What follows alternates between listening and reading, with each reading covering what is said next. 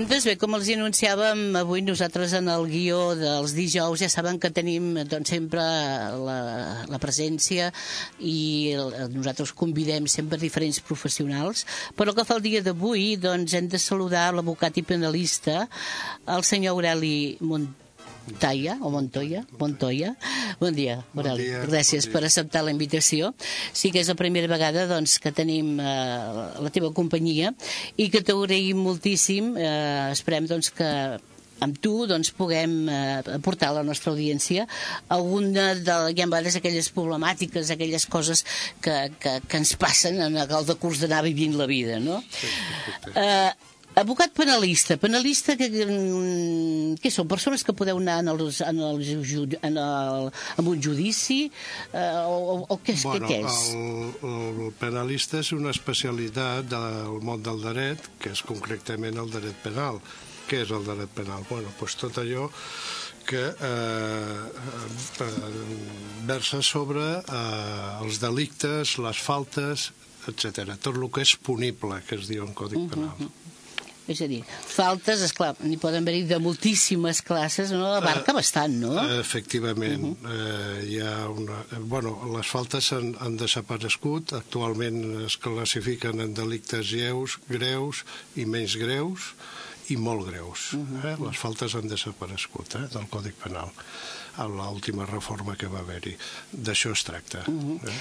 En els judicis, Aureli, ara abans d'entrar en tema, que avui sí. sí que més que tot parlem sobre eh, pisos, inquilins, eh, propietaris, propietaris inquilins, ocupes, que sí. també parlem de tot això, es parla en català en els judicis o més aviat sempre encara es va fent en ah, castellà? Uh, malauradament es parla molt poc en català. Eh? Si bé és cert que bueno, jo com membre del Col·legi d'Abogats de Barcelona eh, tenim una, una lluita amb els jutjats, però clar, tenim una problemàtica que eh, jutges catalans en tot, en tot el partit judicial de Barcelona, exactament, amb un, amb un informe que precisament els va publicar a l'ICAP, al Col·legi d'Abogats de Barcelona, hi havia 21. Què dius ara? Molt eh? pocs, eh? eh? O sigui, això és bastant lamentable secretaris judicials, el que ara es diuen letrados de l'Administració de Justícia, hi ha uns 30, 36, 37. Eh?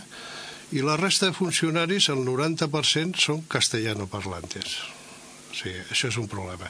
De totes maneres, des del col·legi, eh, la Comissió de Deontologia, eh, estem seguint, eh, intentant fer tots els escrits dirigits als jutjats en català i això. Jo concretament una vegada em vaig trobar que me'l van rebutjar perquè no l'entenien. Doncs el que ha passat ara també. En el qual vaig fer un recurs i me'l van tenir que admetre en català perquè, perquè uh -huh. és així. Vull dir, les dues llengües oficials a Catalunya són el català i el castellà. Uh -huh. I per tant tenen que admetre. Uh, si us en recordeu, fa, fa un any i mig uh, va haver-hi un, un gran debat eh, concretament va ser els jutjats d'Olot, que unes companyes del Col·legi de Girona, eh, la jutja va suspendre una vista, per cert era penal, perquè els companys, les, les abogades, es dirigien a la jutja en català. Això va ser bastant, bastant, bastant fort i tal. Resumides comptes, això va acabar a l'Audiència de Girona i, i amb una sanció a la jutja, una sanció que va ser suspensió de dos o tres dies de... Sí. Eh? Aquí va quedar el tema. Eh? Sí, sí, sí. Entre, entre la mateixa colla i també s'ho arreglen una miqueta, no? Bueno, eh, no, no, no. Els, els comportaments dels òrgans judicials està regulat perfectament per la llei orgànica del Poder Judicial. Uh -huh. I, per tant, per molt jutge o magistrat que sigui, sí. es té que atendre a la llei orgànica del Poder Judicial, i punto. I, i aquests casos també s'han extrapolat al País Bas i a Navarra. És molt bé. Molt bé. Vull dir que, en fi, en fi, és una qüestió de temps. Uh, en fi, uh, nosaltres tenim aquí a Catalunya un problema, és que molts llicenciats uh, i molta gent, el català per si no és opositor. Clar. Per tant, hi ha pocs jutges, hi ha pocs uh, lletrats de l'administració de justícia i funcionaris molts menys. Eh? Entrem a la qüestió, Aureli. Entrem. A veure, eh, posem doncs, que una persona pot estalviar uns diners, eh, pot aixecar un edifici, aquella persona doncs, arriba a un moment determinat, fa uns pisos, els pot posar, els té doncs, de lloguer, i eh, té que fer una sèrie de pagaments, com és la contribució, etc etc. Eh, el propietari fins a quin punt està recolzat per la justícia si per exemple tens un inquilí i aquell inquilí no et paga eh, no li pots fer-li entrar en la seva en, el, en la quota que tu doncs, eh, consideris que te tenen que pagar per aquell pis el que és una part proporcional de la contribució eh, perquè tota aquesta sèrie de coses són realment eh, doncs, aplicables amb un inquilí? Tindria que ser així? A veure... T'he fet una pregunta molt global, sí. però suposo que tu m'has entès de seguida, sí, sí. no? a veure, eh, eh, estem, la pregunta s'ha d'enfocar des del punt de vista de la, de la llei d'arrendaments urbans. Per tant, a veure, la, eh, quan aquest propietari lloga un pis, el lloga amb unes condicions en virtut de la llei d'arrendaments urbanos eh, ja té que satisfer un, un lloguer eh, i eh, unes despeses eh, que es poden pactar, que és legal, que es pactin o no es pactin, com són les quotes de la comunitat de propietaris. Uh -huh. Hi ha casos que el, el llogater renuncia a repercutir la quota de, de la comunitat de propietaris i el que no és legal és que intentin cobrar el, el rebut del, de l'IBI, del de, contribució. de contribució. Això no és legal. Uh -huh. Això mm, no es contempla la llei d'arrendaments urbanos. I en aquí jo te volia dir, és dir, dir-li, una vegada tu ja a aquesta persona li has fet doncs, un contracte sí. en el que doncs, has arribat amb un pacte de lloguer, un pacte d'escala, com comentes, sí. i després tu vulguis doncs, de dir, escolta'm, a veure, que jo estic pagant molt d'IBI, te el vull incloure. Es pot fer o no es pot fer? Es pot fer, però no és legal. Una altra cosa, clar, hi ha un principi amb el Còdic Civil que diu que tot, tot contracte eh, que eh, pactat de mutu acuerdo és vàlid. Però, ojo, tenim el, el tema de que la llei d'arrendaments urbanos diu que no, no és eh, pertinent al cobrament de l'IBI. I d'això hi ha moltes sentències. Per tant, el propietari no tindria per què cobrar l'IBI. L'IBI és un impuesto sobre bienes urbanos. I qui és el propietari? El llogater uh -huh, és el clar. propietari. No, no el té perquè paga el que és eh, llogater. Eh? En aquest cas, estem parlant en aquest cas dels propietaris. El propietari arriba un moment en què eh, necessita aquell pis. Eh, quins passos es té que fer per arribar a un acord eh, perquè se'n vagi el llogater? I eh, arriba el moment que el llogater li diu que no se'n vol anar. Bé, quan el llogater no es, pot, eh, no es vol anar i el propietari eh, alega una justa causa de recuperar la possessió, perquè quan un lloga cedeix la possessió, el que, el que, el que ha de fer és, eh, primer, notificar-li per, per un mitjà feafent que eh, necessita el pis per dues raons. Això també es contempla a la llei i a la jurisprudència hi ha multitud de sentències. Per una necessitat òbvia d'habitatge del propi del propi propietari el propi propietari o del fill o d'un familiar que tingui alguna valua, etc etc i ho necessiti. I llavors li ha de notificar i donar-li un temps i això s'entén en la jurisprudència com una resolució del contracte de lloguer unilateral. Uh -huh. Si l'inquilí eh, no vol deixar eh, transcorregut 30 dies de la notificació, el propietari l'únic que li, eh, li pertoca és anar al jutjat amb un procediment verbal eh, de lanzamiento y desahucio por resolución unilateral de contrato. No hi ha més. No hi ha més. El, procediment, el procediment legal és aquest per començar a fer la via per un desauci, complicada, suposo, per algun propietari, no? Uh, bueno, és, no, complicada no és complicada. És o bastant... costosa, més aviat. Uh, bueno, sí, clar, uh, entenem que sempre, clar, en els procediments verbals, sempre que hi hagi, uh, es, es quantifica l'import de la reclamació, eh, quan supera els 2.000 euros eh, amb una quantia inferior a 2.000 euros no fa falta ni, ni procurador ni abogat, però quan supera aquesta quantia sí fa falta. Per tant, ha de recórrer amb un professional perquè insti la demanda. Eh?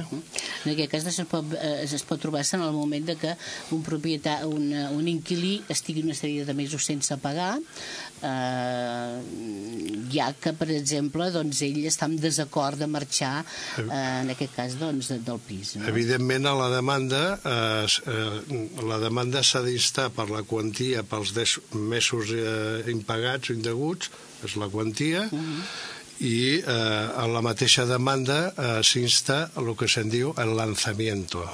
El lanzamiento és perquè, acceptada la demanda, el jutjat d'instrucció corresponent, que correspon a la demarcació judicial, en aquest cas estem a Tordera, seria Arenys de Mar, pues el, el jutge accepta a tràmit la, la demanda de judici verbal i eh, si està ben feta la formulació de la demanda, això és una altra cosa, perquè m'he trobat casos que els companys no l'han fet correctament, eh, s'insta perquè el, acceptada es fa un auto d'acceptació a tràmit i el jutge en aquell moment també eh, li dona traslado a la part demandanta per un període de 20 dies perquè contesti. Si no contesta, el jutge el que fa és eh, eh, donar, eh, fixar la data de lanzamiento.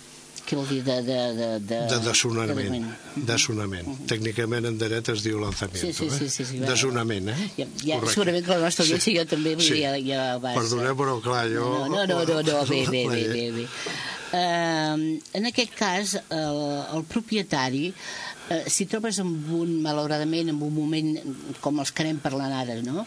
de que te trobis doncs, que necessites, tinguis la necessitat de, de tindre doncs, aquest eh, habitatge, que te trobis amb la problemàtica de que un inquilí no t'apagui, sí. que és el que anem comentant sí, més sí. o menys ara.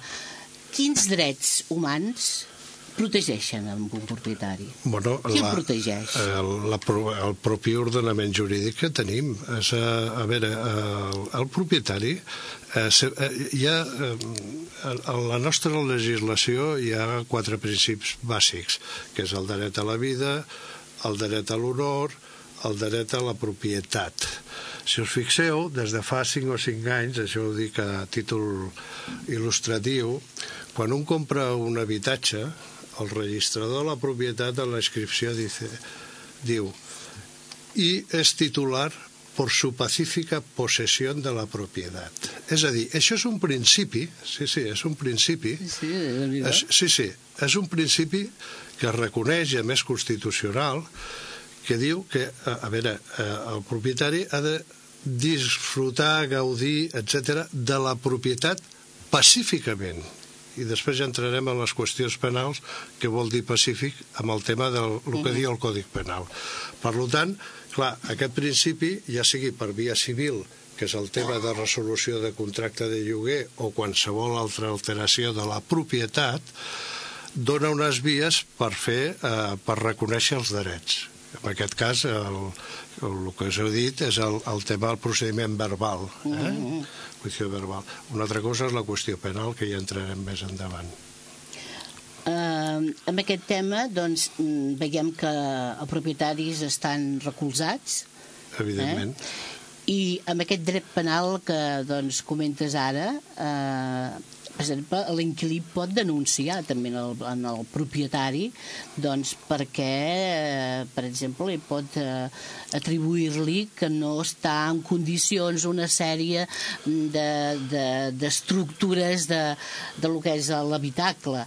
En aquest cas, després, com, com, com, com se soluciona això? Bueno, eh, eh, això ja no és de l'àmbit penal, això és de l'àmbit civil. Estaríem a lo que seria la, la, el, el, el, la, eh, el, el jugueter, els drets que té el jugueter.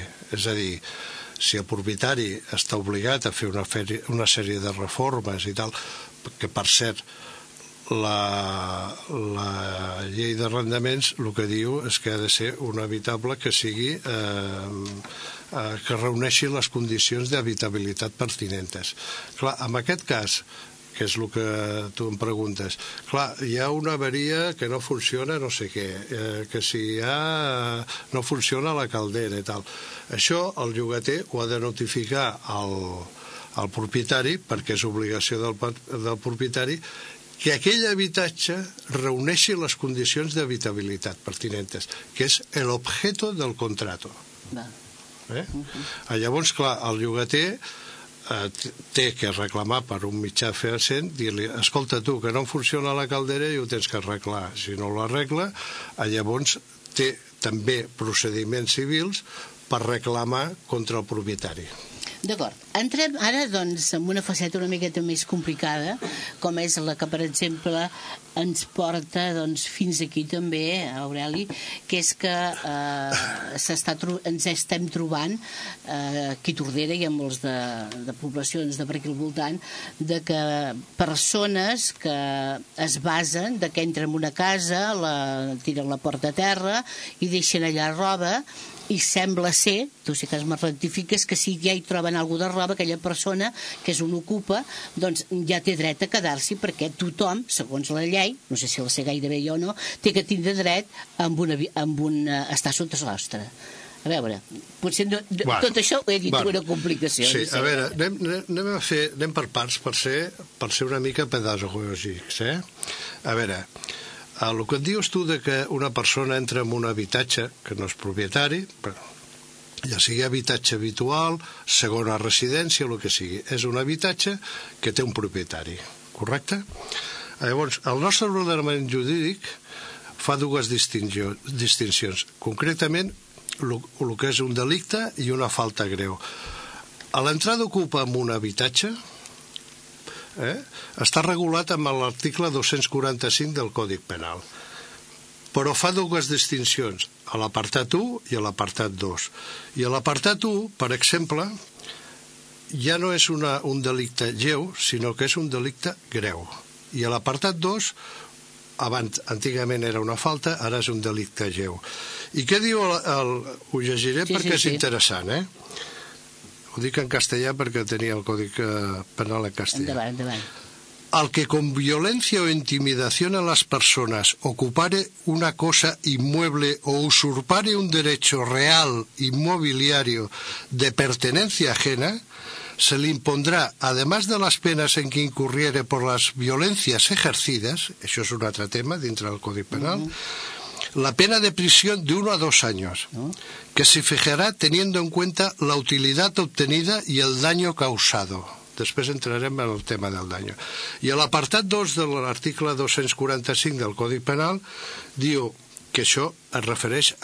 El primer que he dit, l'apartat 1, és un delicte greu y el 2 es un delicte lleu. Diu, el que ocupare sin autorización debida un inmueble, vivienda o edificios ajenos que no constituyan morada del que ocupa, uh -huh. o se mantuviera en ellos contra la voluntad de su titular, será castigado con la pena de multa de 3 a 6 meses. Eh? Què vol dir això? Que eh, el nostre ordenament jurídic fa la distinció entre l'ús de la violència els, els mètodes empleats per aquesta violència d'ocupació... Eh? És dir, entrar en un lloc representa també que ja és una violència. Sí, el Codi Penal que entén per violència eh, dos conceptes. Un, en les coses i en les persones. Uh mhm. -huh. O sigui, el Codi Penal, quan tu trenques un pany i entres a... es comet un acte violent perquè trenques una cosa. Va. Vale? Si jo et robo a tu la cartera, bueno, robo no, és un furt. Uh mm. -huh. Eh? Però no utilitzo violència, és un fur. Però si utilitzo violència, potser hi ha un delicte més greu. Eh? Pot haver-hi lesions, etc etc. Mm -hmm. o sigui, això és el que es diu la qualificació del tipus penal. Eh? Llavors el tipus, en funció de la qualificació, té, es qualifica més greu, menys greu, etc. No?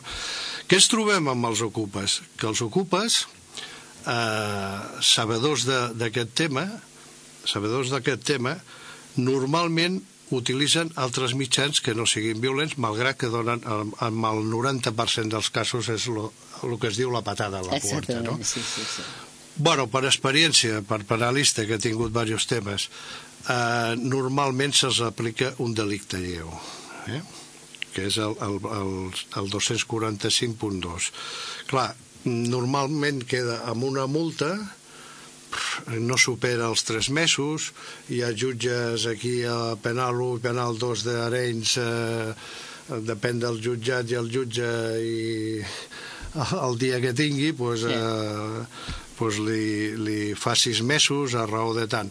Però clar, en què queda això? En res. Lo important és que si es fa això, eh, el procediment aquest, també hi ha la, el, dintre de l'auto de la sentència és el, el, el desonament, o sigui, la recuperació de la propietat sí. pel titular. Aleshores, mentrestant, hi ha unes despeses. Sí, Mentrestant hi ha unes despeses, perquè aquestes persones, mentre estan eh, amb una patada entrant en el sí. teu habitatge, mm. despesa d'aigua, despesa de llum, Sí. Perquè, esclar, aleshores, si tu els hi talles l'aigua o els hi talles la llum, també diem-ho de mala manera, a tu te poden denunciar. O, o ja no el, el mateix eh, ocupa, sinó potser que se'n vagin... Eh... Bueno, és que jo el que recomano és que el propietari, en el moment que li han ocupat, té que presentar la corresponent denúncia. Per què? Perquè a posteriori aquesta denúncia hi haurà un procediment, és possible que es passi a procediment abreviat, que es diu amb, el, amb la, con la llei d'enjuiciament criminal, però clar, això el propietari el que el lliurarà o li justificarà de, davant de les companyies uh -huh. de que no és responsable d'aquests consums que s'han produït. Exactament. Uh -huh. Eh? I normalment eh, això, eh, quan es demana amb el jutjat, el jutge la sentència ho diu, que tot això. Clar, subsidiàriament se li pot reclamar a l'ocupa. El procés de desauci, és a dir, el procés de que aquesta persona se'n vagi de, de, del teu eh, habitatge, si té fills, aleshores també doncs, eh, posa damunt la taula que, és clar no pot marxar perquè aleshores té uns fills i on té que anar. Després, serveis socials de, de la, del poble segurament es deuen posar en marxa? Sí. O com va aquest funcionament? Bueno, jo us, us faré una, un petit apunt perquè, clar, això va ha produït a, a nivell de tot el territori una sèrie de problemes i concretament es, es, es, es va fer eh, una modificació, la llei 5 barra 18, d'11 de juny, que és, és, és, és ben curiós, o sigui, la va fer el, el govern de turno, per Real Decreto, eh? i diu... Eh, hi ha un preàmbul que a mi em fa molta... em crida molt l'atenció. Diu, de, de, forma casi simultánea, en la mayor parte de los casos, sin que exista relación alguna con las situaciones de extrema necesidad, han aparecido también fenómenos de ocupación ilegal premeditada, sí. con finalidad lucrativa que aprovechando de forma muy reprobable la situación de necesidad de personas y familias vulnerables, se han amparado en la alta sensibilidad social sobre su problema para disfrazar actuaciones ilegales por motivaciones diversas pocas veces, pocas veces respondiendo a la extrema necesidad. Incluso se han llegado a ocupar ilegalmente viviendas de alquiler social de personas en situación económica muy precarias y en propiedades de ancianos con pocos recursos y para abandonarlas se les ha exigido el pago de cantidades a cambio de un techo inmediato o se ha extorsionado al poseedor o propietario. Bueno, eh, fa, eh, l'exposició de preàmbuls és de la llei aquesta, que la llei... Aquí, en aquest cas, aquí aquesta llei, mm, bé... Reconeix el fet social. Clar, Però ara anem al fons, al fons de l'assumpte que diem. Què passa? La llei va sempre per darrere de la realitat social. Llavors, què passa? Quan es promulga, corre cuita una llei al Parlament per Real Decreto i tal i resulta que ja la situació real ja ha canviat. Llavors, eh, ens, ens hem trobat eh, molts professionals amb els temes aquest que realment sí que hi ha una necessitat d'habitatge, sí que ha hagut la necessitat de la famosa patada a la porta, són mínims, però hi ha una sèrie de grups, màfies i tal, que es dediquen a controlar eh, edificis Sí. i pisos buits, la problemàtica bancària d'aquest país que hem tingut, llavors controlen això i a la gent necessitada li diu escolta, tinc un pis a tal puesto, si em dones 300 euros demà entres. Exactament. Eh? Perquè també aquests, aquests que es dediquen a això, i no vull dir ni la ètnia ni res, ja m'enteneu, sí. eh? és a canvi d'uns diners i aprofitant-se de la precarietat d'aquestes famílies i això. Vale.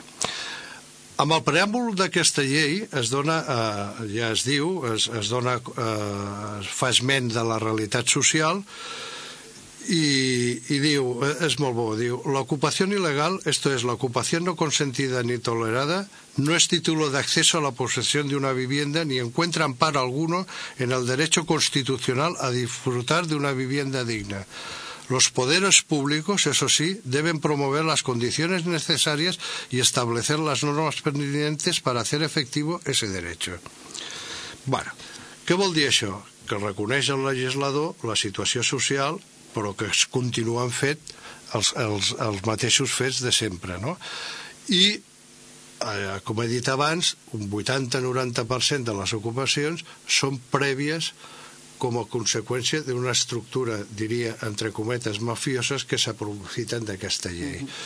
Bé, quan es produeix una ocupació, en la mateixa llei que he fet eh, esmena, eh, parla de que en aquests casos eh, detectada l'ocupació es dedicaran als serveis públics eh, i als serveis socials, Socials. dels ajuntaments. Jo, amb tota l'experiència amb aquest tema, solament he tingut una vista, un judici concretament a Arenys, en què havia una necessitat evidenta, era d'una entitat del Sareb, eh, que és el Banco Malo, Sí, eh, sí. que detecta el 90% dels habitatges eh, buits, eh? Eh, i llavors el jutge va estar molt equànim i va obligar el Sareb a fer-li un contracte social. Un de 50, eh? I aquest és el tema, estem així en aquest país. un tema una miqueta complicat, complicat que, estem, que estem veient doncs, que la llei i la societat i la societat i la llei doncs, eh, s'han d'acabar d'entendre com ho poden fer, però malauradament sí que amb aquestes persones doncs, que tenen eh, doncs, aquesta, aquesta, aquest poder, aquesta manera doncs, d'actuar i després es torsionen a les persones que en aquest cas han ofert aquest, aquest probable habitatge, no? Sí, sí. I que se saben qui són. Però, Sí, però, evidentment. però també pràcticament la policia tampoc hi vol fer-hi res. En aquests moments, Aureli, ens ha posat aquest tema damunt la taula. M'agradarà m'agrada moltíssim que el anéssim explicant. Potser una altra ocasió esperem que tornis a venir aquí problema, a la eh? ràdio i parlar doncs, temàtiques eh, penalistes com aquesta que encara m'agradaria doncs, eh, allargar-la una mica més, però el temps a la ràdio Sí, el sí. tenim damunt i avui sí que també ens hem passat d'hora. Moltíssimes gràcies i bé, mm, a A veure si, a si vosaltres, se eh? vagi posant a tot. Gràcies. Bueno, és un problema, ja sabem, és el que he dit, el problema d'aquest país és que les lleis van per darrere de la realitat social, Mm. i això és un problema... I després també una cosa, no ha hagut voluntat política, Aquí està, també. eh? Eh? una real voluntat política que es podia haver solventat aquests temes en quant a les possessions bancàries, i t'ho dic perquè he estat 35 anys en banca també, i, eh, bueno, mm, tants d'habitatges buits sense donar-li destí és, és una, una barbaritat, El això. problema és ja fer, deixar d'edificar si no tens un projecte de gent que ja tingui realment doncs, gran... Això és una altra qüestió, perquè tu pots edificar com a propietari, Sí, com a inversió sí, i tenir-lo i anar llogant. Una altra cosa és que la banca que ha executat les hipoteques amb la crisi, amb la crisi immobiliària pues, hagi tingut eh, aquests, aquestes edificacions i tot això buit havent-hi un sistema de necessitat social. Ara només un sí o un no, Aureli. Uh, si una persona és propietària d'un habitatge, uh, quan aprofita, quan... Uh, ja sé el que et diràs, eh? aprofita, quan està fora l'ocupa, canvia el pany i posa un pany al propietari, qui, què, què, què passa? Aquest, el propietari pot després eh, estar jutjat per haver fet aquest, aquest acte? Jo entenc que no. Sé. Jo entenc que no. Deixem-ho així. Però Gràcies. s'ha de ser hàbil, eh? Gràcies. no, eh? Fins una altra. Adéu. Gràcies. Trieu i remeneu, que tenim de tot. entreteniment, informació, música i entrevistes. Cada matí a Ràdio Tordera. Ara i aquí, al magazín dels matins amb Rosa Maria Ruscalleda.